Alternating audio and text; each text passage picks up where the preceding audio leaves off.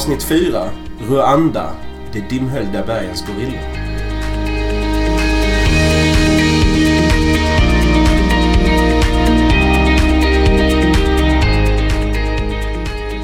Nu är det Rickard, nu är det dags att byta världsdel igen.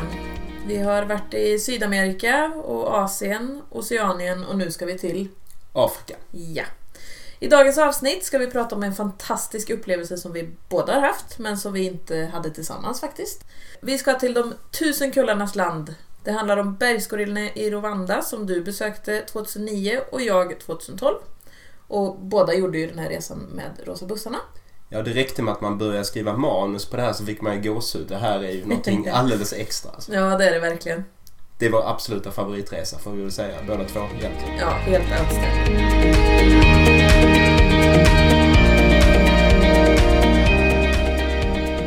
Ja, det här är då enligt oss jordens främsta djurupplevelse och Mm. kanske även då en av de absolut främsta naturupplevelserna. Vandring uppför ett dimhöljt skuggsbeklätt berg för att hitta de mytomspunna bergsgorillorna. Mm. Eh, det här var ju min absolut nummer ett på min bucketlist. Eh, och jag har velat se bergsgorillorna sen i tonåren någon gång när jag såg eh, filmen De dimhöljda bergens gorillor med, eller om Diane Fossey. Eh, och sen dess har jag liksom drömt om att åka dit. Och ja, när jag åkte då så var det liksom bara, det var självklart att jag skulle hoppa på den här resan och, och få möta dem helt enkelt. För mig var det lite mer slumpmässigt. Jag hade väl tänkt att jag någon gång skulle se bergsgorillorna och uppleva dem. Men jag hade inte alls lika tydligt lagt upp det på min bucketlist om man säger så. Utan det var mer att jag eh, upptäckte att jag hade några veckor lediga mitt i semestern. Eh, Folk hade börjat undra varför jag reste själv och varför jag aldrig provade någonting i stil med Rosa bussarna. Så jag gick in på deras hemsida och upptäckte att de hade en resa just de veckorna till bergsgorillorna och hoppade på det helt enkelt. Mm. Men eh, jag fick ju verkligen... Alltså hade jag vetat vad det innebar så hade det legat nummer ett på min bucketlist. Ja. Ja, sen det här med rosa bussarna är ju, reser man själv så är ju det ett väldigt bra alternativ. Ja, det är det ju verkligen. Mm. För då har man ju alltid rese, resekamrater om man säger så. Ja. Vart hittar man bergsgorillorna, Matilda? I underbara Rwanda som är ett eh, litet land som är insprängt i östra Afrika. Eh, fantastiskt fint land. Eh, det har ju lite gripande och tragiskt för, förflutet dock. För eh, 1994 så var det ju ett stort folkmord i landet. Där eh, ja, det var väl uppemot 800 000 personer som miste livet. Eh, och det är ja, väldigt eh, grymma berättelser har man hört om detta. Men landet är fantastiskt vackert och det kallas ju för de tusen kullarnas land. Du ser bara gröna kullar överallt när du åker runt. Ja, det är det man minns mest av landet egentligen. Gröna kullar. Ja, det är det. Fantastiskt vackert. Till och med i huvudstaden Kigali känns som att det var en massa kullar överallt som var ganska Mm, gröna och mm. lummiga. Liksom. Och vi ska då upp i norr, i norra Rwanda till något som heter Virungabergen. Mm. Och det är då en vulkanbergskedja. Eh, och nationalparken på Rwanda-sidan heter ju då Parc National de Volcans. Ursäkta min franska. Någonting sånt heter den. Volcanoes National Park säger vi istället då. Mm. Och det är Afrikas äldsta nationalpark. Och de här bergen sitter ju då samman med bergskedjan som också löper in över Kongo och eh, Uganda. Och där är ju också då naturparker som sitter ihop med den här parken. Och de heter då Virunga, heter parken i Kongo som är också väldigt känd och Väldigt faktiskt känd ja. Mm. världsarvslistad för den delen. Mm. Eh, och sen så har vi då Ruvenzori-bergens nationalpark och Mgahinga Gorilla National Park. Snyggt uttal där. Ja, verkligen. Tror vi, vi vet ju inte riktigt. Nej, vad vet vi? Och det ska ju tilläggas då att det här är alltså vulkanberg och ett par stycken av dem är faktiskt fortfarande ganska aktiva. Mm, det är de ju faktiskt. Så det är lite spännande. Mm. Hur gör man då om man ska bege sig dit?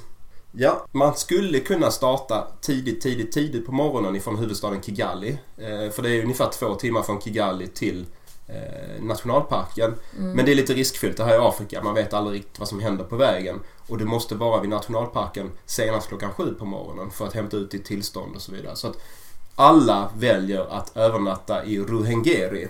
Som numera ofta kallas för Musanze istället för Ruhengeri. Men vi kommer att säga Ruhengeri här i berättelsen då. Mm. Så man åker dit där dagen innan och man går upp i en organiserad grupp till gorillorna. Ja, man får ju inte gå upp på egen hand där. Nej. Utan det är ju bara i grupp, organiserad grupp som man går upp. Ja, det är väldigt strikt uppstyrt Mm, och det är mm. max åtta personer per grupp. Och just nu i Rwanda så är det tio gorillagrupper som man kan besöka. Och så då max åtta per grupp. Det innebär att det skulle vara max teoretiskt då 80 pers per dag som kan göra det här. Men sen så vilar man ju då även gorillorna så de får inte besök varje dag. Så det blir ju inte ens 80 personer per dag som kommer upp till dem. Nej, det blir det inte. Det blir 70-tal då kan man säga. Mm. Så en väldigt unik upplevelse och väldigt speciell. faktiskt. Ja, det är det absolut. Och det är ju väldigt bra att de... Eh, eh, alltså, de... Vad ska man säga? Folket i kring, runt omkring där, de lever ju mycket på turismen eh, kring gorillorna. Men samtidigt så försöker de ju liksom bevara gorillorna eh, eller vad man ska säga, på, på bästa sätt. Och, och Det är därför de drar ner lite på och försöker att det inte ska vara för mycket folk och det, de ska vila varje dag och allt det här liksom. Ja, och det, det känns faktiskt uppstyrt. Det får man ändå säga. För att vara Afrika så är det här uppstyrt. Mm. Och man har ju då med sig, man har med sig en ordentlig guide som kan väldigt mycket om det här. Minst en guide och sen så har man med sig då rangers, beväpnade rangers som då ska skydda en. Ja, det skulle teoretiskt kunna vara mot gorillorna men det kanske framförallt mot bufflar och eh, tjuvjägare. Tjuvjägare också, ja, precis. Så att eh, det känns på riktigt det här och det är på riktigt verkligen. Det är en riktig äventyrsexpedition. Ja, det är det. Alltså det som du säger, det känns på riktigt. Det är liksom inte att man går in i, någon... Alltså det är ju en nationalpark men det, du går ju inte i ett inhägnat område och gör någonting liksom, utan du är ju ute på riktigt i naturen liksom. Och sen finns det då utsända spanare dessutom då med walkie-talkie-förbindelser med Mm. eh, våran grupp då som, som liksom Sticker iväg tidigare Ja. och har koll lite på vart, vart eh, gorillagrupperna befinner sig. Och den här vandringen då som man gör upp för ett berg det kan ju ta allt från 15-20 minuter till 8 timmar. Så man vet inte riktigt vad som väntar även om man till viss del kan påverka det. Sen kan det ju faktiskt vara så att du har otur och inte ens hittar gorillorna. Ja, det, Det kan hända det finns ju ingen garanti. Men Nej. jag har aldrig hört någon som har misslyckats. Nej, inte jag heller. Men det, du är inte garanterad såklart. Nej. Sen är det ju vissa regler också när man kommer fram till gruppen. Eh, man ska ju hålla sig, jag tror det är ungefär sju meter ifrån dem. Eh, är reglerna i alla fall. Ni kommer höra att, eh, att man kommer närmare än så. Eh, sen får man ju inte fotografera dem med blixt och om man hostar till exempel måste man vända sig bort. Just för att de inte ska känna sig hotade och de inte ska kunna ta eller få sjukdomar av oss. Ja, man får inte lov att gå upp förkyld heller om det Nej, så. det Liksom. får man inte. Då får, då, ja, då, då får man helt enkelt inte gå upp för att i och med att vi är så lika gorillorna så kan ju de få våra förkylningar. Mm. Och är det då så att man på något sätt eller av någon anledning skulle känna att man blir attackerad av en gorilla, vad gör man då? Vänd och spring allt vad du äger så jagar de efter dig. Nej precis, det är det man inte ska göra. Man ska Nej, ta det precis. väldigt, väldigt lugnt. Försöka att visa att man är underlägsen och kanske möjligen backa sakta bakåt men inte, inte vända sig om och springa. Det Nej, och så vända bort blicken ska du göra också och visa Ja. att du inte utmanar dem. Sen är ju säkert det här lättare sagt än gjort om det skulle hända. Ja, alltså det är inga små figurer man känner att man skulle inte ha mycket Nej. att sätta till. Men vi kommer till det också. Mm. Vem kan då ta sig an det här? Ja, det är ju inte för små barn är det ju inte.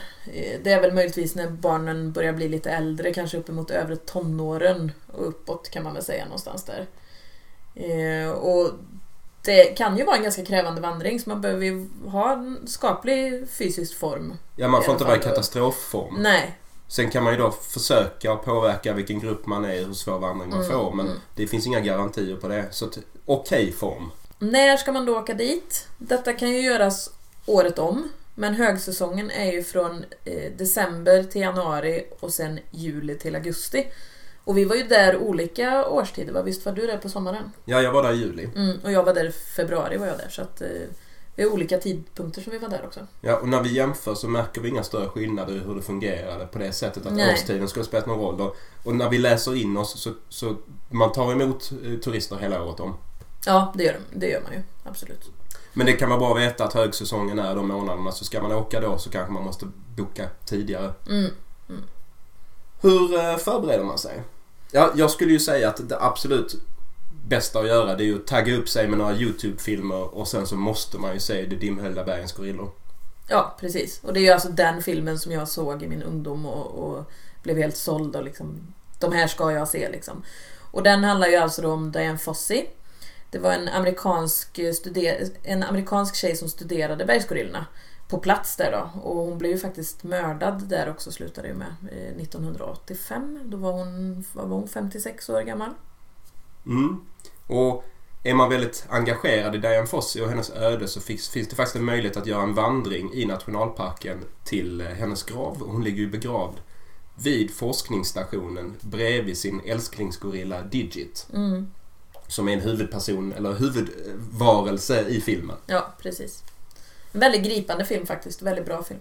Ja, Fortfarande, den står sig fortfarande liksom. ja verkligen. Eh, och Ja, på tal om vandringar så jag inte tappar bort det så kan man ju då även eh, göra en vandring och besöka Guldmarkhattorna. Alltså det, det är ingenting som vi har provat på men det är alltså vi har sett dem på bild och det ser rätt så häftigt ut. Och det är alltså då guldapor. Mm, de såg ju jättehäftiga ut och hade man vetat om det då hade man ju gärna velat göra det i Mm. samband med detta också.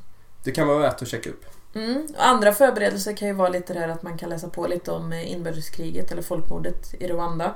Om man är intresserad utav den biten. Och, eh, alltså oftast så, du åker ju inte bara dit, går upp till gorillorna och åker hem igen. Utan du har ju lite dagar runt omkring också. Ja, och då kommer du i kontakt med det här, eh, den här tragiska händelsen när det var en konflikt mellan folkgrupperingarna Hutu och Tutsi. Mm. Så att det är bra att vara förberedd. Du kan även besöka eh, Hotell Milde Collin där filmen Hotell Rwanda spelades in. Mm. Men okej, ska vi ta och berätta lite om våran upplevelse? Och det blir lite av en parallell berättelse då eftersom vi var där vid olika tillfällen. Det kan vi göra. Vi reste ju alltså med rosa bussarna båda två. Och eh, anlände till Rwanda en knapp vecka innan. Eh, och hängde lite i och omkring huvudstaden Kigali. Och så dagen innan då, dagen innan man skulle upp till gorillorna så åkte man från Kigali med bussen. Ja, och jag tror faktiskt att jag åkte med eh, någon liten jeep. Vi åkte nu upp i små jeepar Okej, istället. Mm. Jag, jag tror att vi åkte i bussen i alla fall. Jag är inte riktigt säker. Jag kommer inte riktigt ihåg. Men... Mm. Och det var en resa på ungefär två timmar då. Och det är en, alltså bara det här är en spektakulär resa. Mm. Man, man har fantastisk natur omkring sig eh, på vägen upp mot bergen och Ruhengeri då. Och runt omkring är det berg och dalgångar och så ser man då liksom bananodlingar på sådana här terrassodlingar. Och så kommer det någon- Trappstegsavsatser. Ja, och så kommer en afrikansk kvinna gåendes i sina färgsprakande kläder med en stor, ja, men något, något stort bylte på huvudet och ja, fantastiskt är det. Ja, vi gjorde fotostopp och liksom det bara kryllade av eh, afrikanska barn och, och som spelade fotboll och tittade på oss. Muzungu, Och- Muzungu ropar de efter den. Viting typ betyder det. Mm. Ja, det är en riktigt häftig resa. Och sen så när man börjar närma sig så tornar de här vulkanbergen upp sig. De skogsbeklädda vulkanbergen.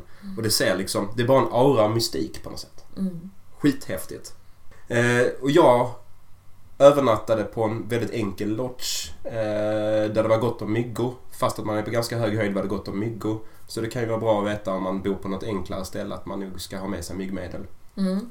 Jag har ju för mig att vi övernattade på bussen. Vi, vi stod i alla fall på, eh, inte på en camping, men det, fanns ju boende där också. Men vi, antingen sov vi inne i enklare rum eller på bussen. Men jag är nästan säker på att vi sov på bussen. Eh, men det finns ju väldigt mycket boenden i olika prisklasser i Ruengeri. Så man kan ju bo på lite olika sätt beroende på hur man, hur man åker. Sen dagen efter då, då är det ju dags med, eh, för expeditionen upp till gorillorna. Då gick man ju upp väldigt tidigt och eh, klädde på sig i långbyxor och långärmat och gympaskor. Vanliga gympaskor funkar ju jättebra. Och så skulle man då åka till inskrivningen i nationalparken och där skulle man vara till klockan var sju så man åkte ju tidigt på morgonen. Och här fick man ju då välja svårighetsgrad på vandringen om man ville ha lätt, medel eller svår. Mm. Och som vi sa innan då så, så är det max åtta personer per grupp.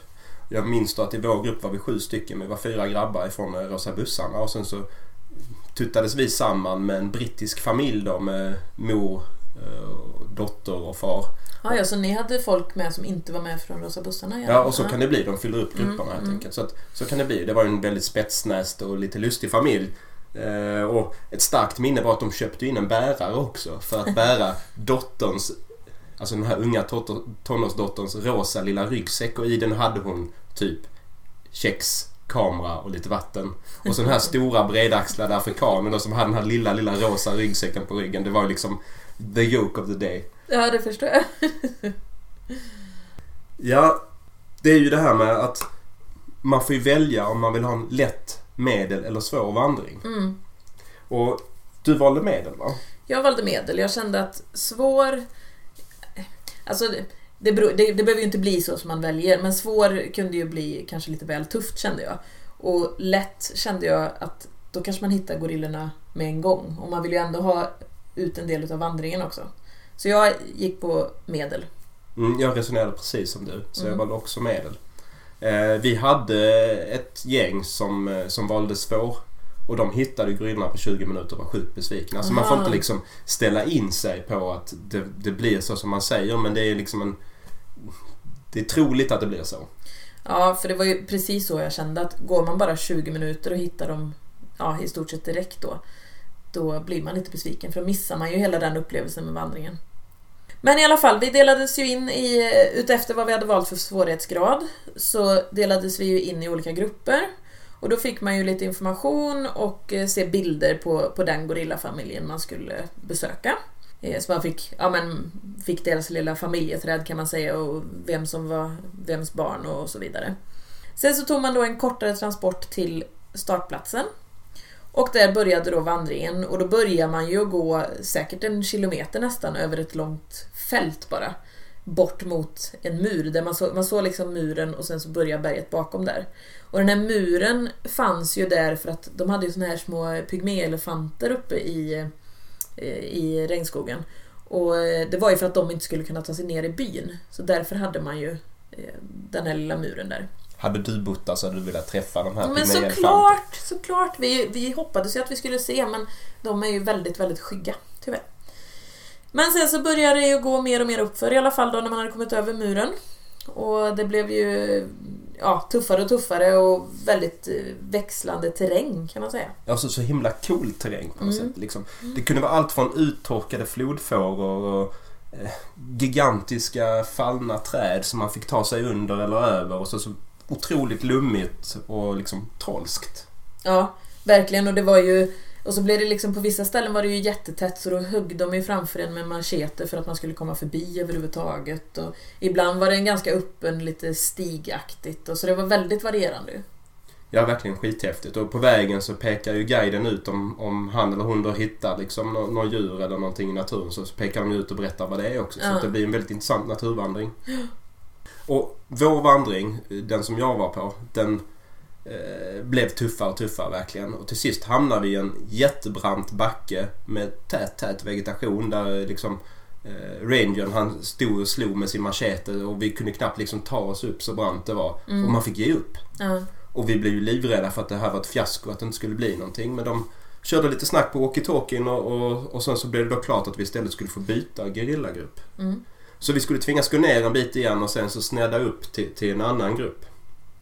Och då var vi uppe på 3100 meters höjd, så det var ganska högt uppe. Ja, Och den höga höjden började påverka också. Mm. Så det här blir ju ingen kort och medelenkel, eh, eller medelenkel vandring heller, utan det här blir ju ganska tufft.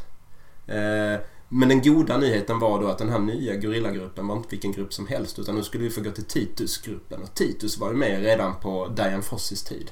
Okej, Ja, det är en jätteväl... det är ju spännande. Ja. Ja, han är ju extremt väldokumenterad. Man kan hitta till och med BBC-dokumentärer om honom och sådär. Och han har ju haft massor med äventyr. Till och med hade han en bachelorperiod med en polare där han hade lite homoerotiska utsvävningar. Så det finns ju en fantastisk historia. Det, är det, här, det här är ju ganska människolika varelser. Så att de har ju verkligen... ja, det är de ju absolut. De är ju väldigt lika oss genetiskt sett. Ja, så att de har ju livshistorier som till viss del man kan känna klara paralleller med oss människor. Mm. De får ju verkligen karaktär. Liksom. Men ja, ja, vi, vi gav oss på den här vandringen då och krafterna började ju tryta till sist. Vi blev av med den brittiska familjen eh, och eh, en medföljare. Och, Blev ni av med dem? ja, de försvann men de dök upp sen igen och det var, Okej, det var en massa ja. grejer som hände. Och det tog alltså oss fyra och en halv timmes vandring innan de plötsligt bara började hyscha oss och nästan trycka ner oss i marken. Liksom, att nu ska ni vara tysta. Och Ja. man kände, vad händer, vad händer? Liksom. ja, precis. För då visste ni inte att det var gorillorna. Nej, vi var inte säkra på det. Nej. Nej, min vandring var ju... Alltså vi, jag tror vi höll på i knappt två och en halv timme innan vi hittade dem. Och jag hade ju ungefär liknande som du berättar här nu. Och eh, när vi väl kom upp då efter två och en halv timme så var det som en... Alltså det var väl, om du tänker dig en vägg liksom. eh, som vi skulle klättra över. Eh, Oj. av, eh, alltså typ, vad ska man säga, lianer nästan som det blir liksom, som hänger ner. Och där klättrar ju alltså, först klättrar de här rangersen och hjälprederna ut och liksom stod ute på de här och så klev vi liksom, på vissa ställen klättrar vi ju på deras ben och fötter liksom för att ta oss över överhuvudtaget. Så vi tog oss i alla fall över och precis när man hade kommit över så då var de bara där, gorillorna. De Oh, var precis på andra sidan. Eh, så vi stod typ, det var som en liten stig och så var det en kulle precis bakom stigen. Eh, och uppe på den kullen så låg liksom silverryggen och övervakade. Eh, och det var ju alltså, det var ju så vi kunde liksom luta oss fram över kullen lite så här. Vad är en silverrygg? Det kanske inte lyssnarna vet. Nej, det är sant. Silverryggen är ju ja, men alfahannen kan man ju säga. Det är ledaren i gruppen. Eh, den store, starke karn. Ehm, ja, vi kom i alla fall upp där då och stod allihopa på, ja, ut med den här stigen kan man säga. Ehm, och så börjar guiden liksom hugga bort vegetationen upp över kullen. Och då var det jag och så en eh, tjejkompis till mig och en annan person som fick klättra upp. Liksom, lite svårt att förklara, men fick klättra upp där på i alla fall och ner liksom på andra sidan. Eh, och när vi liksom hade kommit över precis, då var det ju meningen att det skulle komma, alltså alla skulle få komma in där och sätta sig in under här och titta på gorillorna. Men då kom det ju liksom gorillabebisar som rullade ner uppifrån kullen liksom ner över där som höll på och lekte så. Så då fick ju inga fler komma, komma upp där. Så vi hade ju alltså en jäkla tur som fick göra det för vi kom ju, alltså vi hade ju toppplatser verkligen. Så vi satt tre stycken där under vegetationen och tittade på dem. Och de här gorillabebisarna, de var inte alls söta eller? Jo, de var jättesöta. Det var ju en, det var två tvillingar som var en månad bara. Oj. Åh, de var så söta! Och de sprang runt där och åh, så goa. Och så var det ju en då som var, alltså det var ju jättehäftigt. Nu, nu pratar vi innan om att det skulle vara sju meter, att man skulle vara sju meter ifrån. Men i ett sånt här läge så kan man inte påverka det för det var ju de som, som rullade ner och började leka precis framför oss liksom. Och då kommer det ju en liten bebis och smyger så här fram mot oss liksom. Och så börjar den sträcka sig mot oss lite så här med handen. Och då så börjar ju de här eh, guiderna, de kan ju liksom prata och kommunicera med dem. De typ harklar sig ju på något sätt och liksom pratar med dem. Eh, så guiden sa ju liksom ifrån till den här lilla bebisen att stopp, du får inte gå fram till dem liksom. Ja, så då drog han ju tillbaks handen. Och så, så fort guiden vänder ryggen till så ser man hur han bara tittar på oss. Och så springer han fram till min kompis och liksom petar på henne. Och så springer han därifrån. Så jäkla söt! Så jäkla god var den. Så vi kom ju verkligen jätte, jätte, jätte, jättenära. Ja, häftigt. Mm.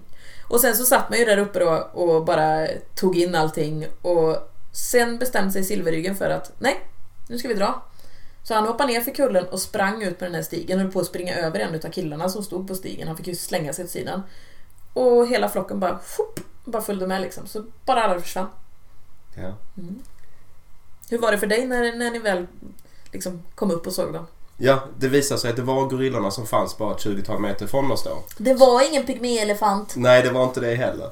Så att eh, efter att ha fått lite små instruktioner, avslutande instruktioner, så smög vi oss fram och så var de bara där liksom. Det var ju Mm. otroligt häftigt.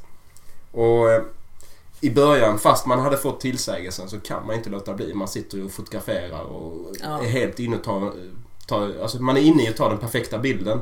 Men efter ett tag så kommer man på de här förmaningarna man har fått att lägga undan kameran, koncentrera dig på upplevelsen istället. Och det är man väldigt glad över att folk sa till en innan. Ja. För att alltså man satt och fota, fota, fota och sen bara nej nu ska jag bara insupa detta liksom. Ja.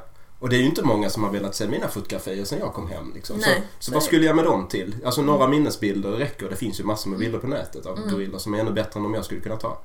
Så att fokusera på det är ju tips som vi har verkligen och som vi fick Absolut. då och som man verkligen ska Mm. tänka på. Sen var vi inne på det här med att eh, man inte ska vara för ung när man gör det här och man ska kanske inte vara för rädd av sig heller. Mm. Eh, den här brittiska familjen, det blev ett stort fiasko. På den tiden kostade ett gorillatillstånd 500 dollar per person. Vi kom upp till gorillafamiljen, det hann gå någon minut och sen så gjorde en av hanarna, inte silverryggen, men de andra, gjorde ett utfall mot familjen. Ja. Och mamman och dottern blev så rädda att de sprang iväg och de kom inte tillbaka under hela Oj! under hela timmen. De missade hela alltet alltså. Tusen dollar för att se en minut av gorillorna och hela den här långa vandringen. Bara för att ta sig dit fyra och en halv timme hur jobbigt som helst. Herregud, ja. Så därav, det kan vara bra att man är liksom lite, lite mer mogen kanske när man ska besöka. Ja, för det är ju inget ovanligt att de gör de här små utfallen eh, fast man liksom ändå... Alltså man ser ju på något vis när man är vuxen att de inte riktigt är...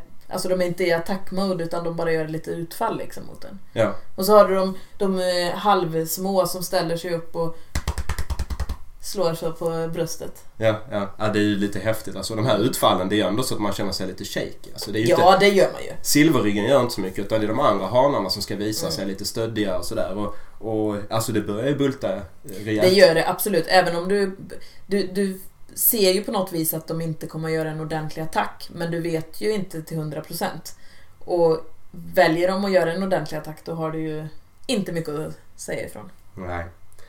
Eh, Så bland mina höjdpunkter då från, från den här timmen. Det var när de sprang iväg eller? Ja, det var ju en jättehöjdpunkt faktiskt. Det var ju rätt roligt. Men sen har jag ju som höjdpunkter eh, de här utfallen, det blir ändå liksom att det blir ju adrenalinpåslag som Ja. man minns. Mm. Och sen så att få se och uppleva den här silverryggen Titus då.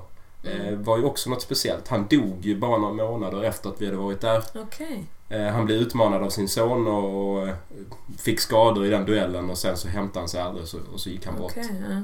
Så det var ju också häftigt. Och sen så vet jag att jag fick väldigt bra ögonkontakt med en av de andra hanarna. Och man, man bara känner att man tittar liksom in i ögonen på någon som, som på något sätt visar att, att han förstår och vet vem jag är och vad Mm. jag gör där. Mm. Så himla häftigt. Den känslan känner jag också igen faktiskt. Ja. Att man bara... Jag vet inte om man fick på något vis något lugn när man, stod, när man tittade dem i ögonen så. Så det var ju liksom konstant gåshud i stort sett. Och sen så, precis som för er, så, så plötsligt så på en given signal i stort sett så bestämde sig Silverryggen att de skulle vidare. Mm. Och vår timme hade inte gått än. Så vi följde med efter. Gjorde ni också det? Nej, utan för oss var det precis när det hade gått Ja. en timme. Så att, ja. Okej, alltså vi, vi fick ju följa med en bit bort en stund till. Men det blev svårt att hålla kontroll på grillorna då. Och var de var. Men man såg dem lite här och där och så. Och guiderna jobbade för högtryck för att vi skulle liksom vara på rätt plats och inte störa dem och, och, och så. Men man var så inne i det här så att eh, det spelade ingen roll att det var massa tistlar och nässlor och allt skit runt omkring. Det var inte förrän efteråt man märkte att man hade bränt sig och skurit sig och... och Man känner det inte när man är i det. Man är så otroligt inne i det här. Men till sist tog det då slut och vi började dra oss tillbaka vi också. Mm, Och då mm. på vägen ner, alltså man var helt bubblig Ja. inombords på något sätt. Det går inte ens att beskriva den känslan. Det var, jag vet inte, det var, det var, väl adrenalinet liksom som gjorde det och att man liksom bara såhär Shit, har man gjort detta nu? Har man varit uppe vid bergsgorillorna liksom? Ja. Och även fortfarande idag när jag ser dokumentärer eller TV-program om bergsgorillorna. Det ser man ju rätt så ofta. Eller det går rätt så ofta och när man har varit där så är man lite mer uppmärksam på det. Mm. Jag kan inte riktigt fatta att jag har varit där. Inte jag heller, jag kan inte riktigt ta in det liksom. Nej, ja, men det är en otrolig upplevelse. Och framförallt när man har drömt om det så länge som jag hade och sen har man gjort det liksom. Ja, nej det går inte riktigt, det går inte riktigt ta in så. Om man nu ska göra det här då. Det finns ju möjlighet att se bergsgorillorna i alla de här tre länderna då. Mm, det Eh, Och det. det är faktiskt så att det är dyrast i Rwanda. Mm, När vi har kollat på prisbilden nu, den uppgift som vi har är att själva tillstånden som man måste ha för att se bergsgorillorna då kostar i Kongo 400 dollar, i Uganda 600 dollar och i Rwanda 750 dollar. mm, Vi har varit i Rwanda och på något sätt är det urplatsen för det här just med tanke på Dian Fossey och så. Eh, Men det är ju ännu mer äventyrligt om man beger sig till Kongo naturligtvis och Ja, Virunga precis. som också är myt, mytomspunnet. ja. Men ska man flyga ner till Kigali så kollade jag senast igår eh, och nu är det juli snart, juni, slutet på juni. Och i december nu när man slog på en biljett till Kigali slumpmässigt kostar det ungefär 5000 spänn från Stockholm. flyg. okej. Mm, Så det är inte så där farligt. dödligt ut. Och så ska man ha ett visum till Rwanda, det kostar 30 dollar. Mm. Så där kan man börja dela upp kostnaderna. 750 dollar gorillatillstånd, 5000 svenska för flyget och sen så 30 US-dollar. Sen så på det ska man ha mat och boende. Mm. Om man fixar det här på egen hand. Ja, precis. Men det gör inte vi. Vi rekommenderar inte det. Nej, alltså det är ju trots allt Afrika. Ja, är man inte Eh. väldigt van Afrikaresenär så ska man nog... Eh, man ska låta någon som kan det här eh, boka åt en och fixa och organisera Ja. åt en. Absolut. Alltså jag skulle vara lite rädd om jag liksom hade bokat detta själv hemifrån. Just den här känslan att kommer jag verkligen komma upp till gorillorna? Är det verkligen bokat eller vem är det jag har haft kontakt med liksom? För att som sagt var, det är Afrika. Mm. Man vet liksom inte riktigt säkert om, bokningarna har tagits emot eller vad som har hänt. Liksom. Mm. Och det finns ju, alltså det blir ju aldrig billigt att göra en bergsgorillaresa. Det ska man Nej, inte föreställa sig. det Men det finns ju olika prisalternativ ändå beroende på vilken komfort man vill ha och hur länge man tänker vara iväg och man ska kombinera det här med någonting annat. Ja. Mm. Det billigaste vi har hittat från Sverige, det har vi inte sökt jätte- jättemycket, men det billigaste vi har hittat är med Africana Travel och de kör en fem dagars från Stockholm. Och då kan man komma ner i någonstans mellan 23 och 26 000 beroende på hur stor gruppen är. Mm. Rosa bussarna har en liten bergsgorillaresa. Den går på 29 000. ja, just det. Den är åtta dagar va? Ja, och, och den är ju, tycker jag då, inte alls prisvärd om du jämför med deras medellånga eh, resa. Som Nej. också har bergsgorillarna. Du lägger bara på 6 000 spänn till och du får liksom eh, 19 dagars resa istället och massor med andra häftiga Ja. grejer. Absolut. Den, eh, alltså, det var ju några stycken, jag tror det var två eller tre stycken på min resa som var på lilla bergsgorillaresan. Och de var ju, det var lite så som för dig där att liksom, ja, sticker iväg på någonting. Eh, Men de var ju, när de skulle åka hem, det tyckte de var jättejobbigt för de kände att de bara hade kommit dit och vänt i stort sett. Liksom. Ja, det finns en massa andra häftiga saker att göra Ja, i det regionen. gör ju det. Ehm, om man då inte vill bo så enkelt som på en buss och betala 35 000 så kan du ju växla upp ett par nivåer och åka med till exempel med Världens Resor. Ja. Eh, De tar 67 000 för en motsvarande resa som eh, den eh, Rosa bussresan. Men då får du en helt annan komfort. Bor man på hotell då eller? Ja, Mm. det gör man ju. Och sen så kan man göra som du. Jag tog den här medellånga resan. Du körde ju den här långa... Långa resor. Det är en kombination egentligen då utav två resor. Så då satte jag ihop Rwanda och Uganda med Kenya och Tanzania. Och då hamnade den väl någonstans över 50 000. Och då var man borta i sex veckor tror jag. Någonting Mm. sånt. Det är ju en grym resa. Ja, verkligen. Det är det. Andra bolag som vi har sett kör bergsgorillaresor för tillfället är Äventyrsresor, Kontiki-resor, Tabela-resor och det finns ett gäng till. Så det är egentligen bara att söka om man är nyfiken och så får man hitta ett upplägg som passar en. Mm. Vad finns det för risker med den här resan då? Just bergsgorillorna? Ja, alltså det här är ju naturen på riktigt. Det här är ju inte asfalterade stigar i nationalpark i USA utan det här är ju på riktigt alltså. Ja, det är det. Så det är ju, alltså bara det här att det är beväpnade vakter av en orsak, det, det säger ju någonting. Ja, det gör det ju. Sen är ju Rwanda är ju dock ett, alltså ett säkert land idag. Eh, men just när du ska upp på berget, det är ju då det... Alltså, det finns vissa risker med det, så är det ju. Det går inte att komma undan. Hur var det förresten för dig som, som då ung kvinna och resa oberoende, ganska oberoende i Rwanda? Eh, ja, men jag tyckte inte det var... Alltså, vi var ju ändå i grupp oftast. Eh, så att vi, vi försökte, vi gick ju liksom aldrig... Man gick ju inte ensam som tjej liksom. Men eh, det var ju aldrig så att jag kände att, att man kände sig osäker heller liksom. Eh, och jag hade säkert kunnat gå runt ensam som tjej på vissa ställen med. Så Tror jag. vår, vår riskbedömning, både för tjejer eller som generellt, är att det inte är särskilt farligt liksom med Rwanda just. Nej, jag, nej, jag upplevde det inte som det faktiskt. Vårt främsta tips, det är ju rätt givet, vi har redan haft det uppe en gång. Ja, släpp kameran när du är uppe hos gorillorna och bara ta in stunden, njut av stunden, ta några bilder och sen bara lägg bort den. Ja. Och bara... Alltså skit i dina five seconds of fame på eh, sociala medier, det är ingen som bryr sig. Ja, Men här får du med dig ett minne för livet. Mm. Ta in det. Mm. Det är en fantastisk upplevelse så att man... man alltså, sitter man med kameran hela tiden så kommer man bara känna efteråt att Fan, varför gjorde jag det för? Mm. Ja men det är verkligen så. Mm.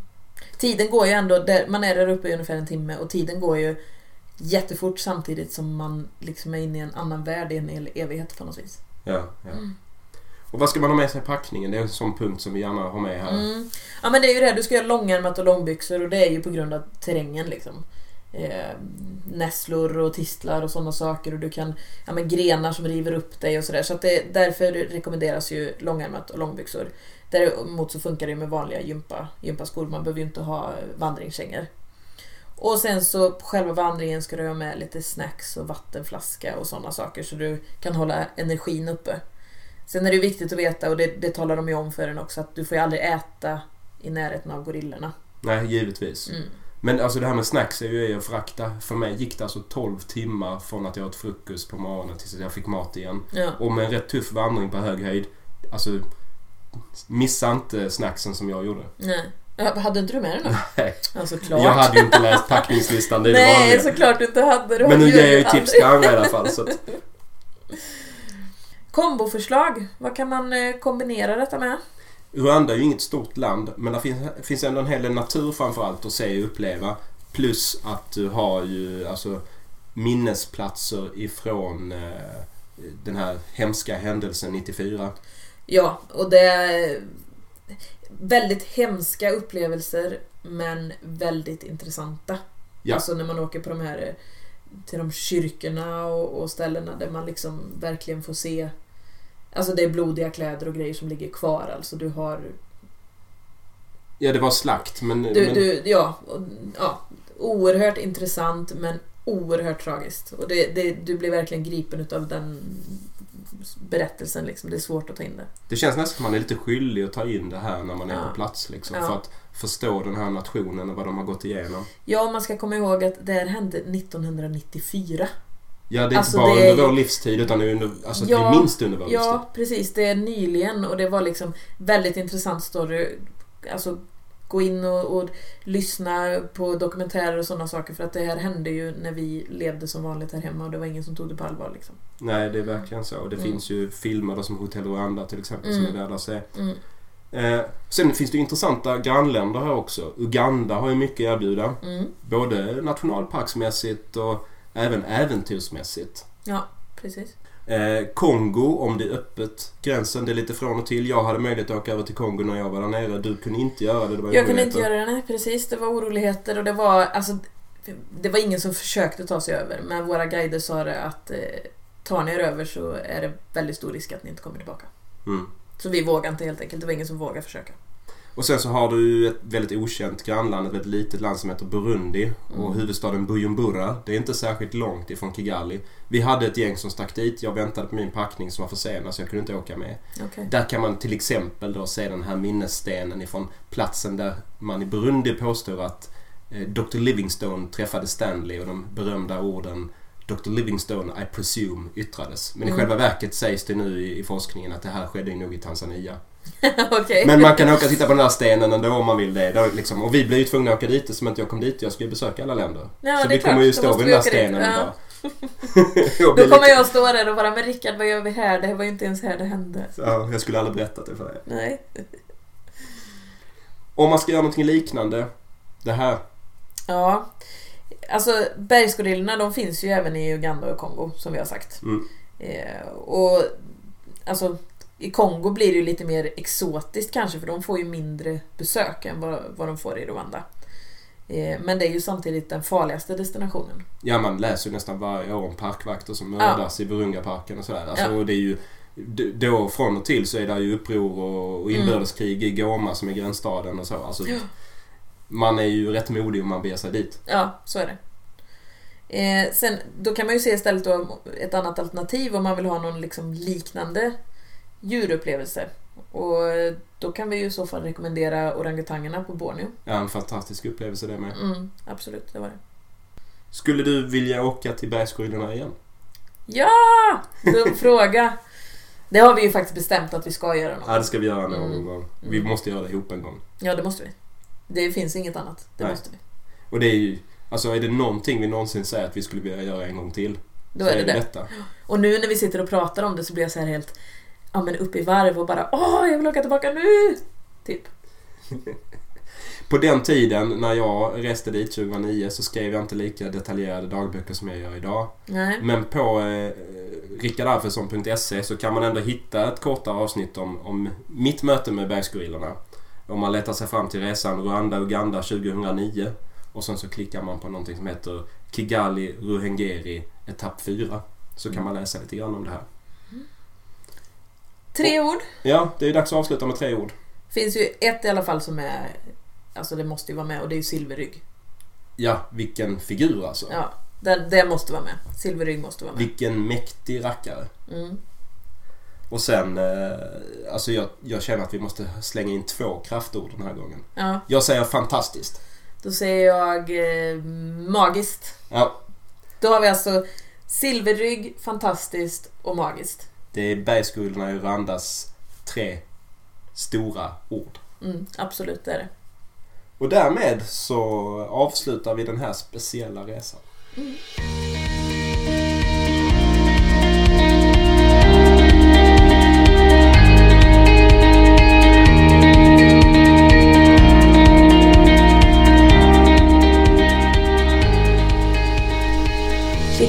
vår hemsida www.restam.se där vi bland annat lägger ut bilder från våra resor. Där kan ni även komma med feedback eller ställa frågor via ett frågeformulär. Annars mejlar ni oss direkt på restam.outlook.com Följ oss även på Facebook och Instagram. Sök på Restam så hittar ni oss där.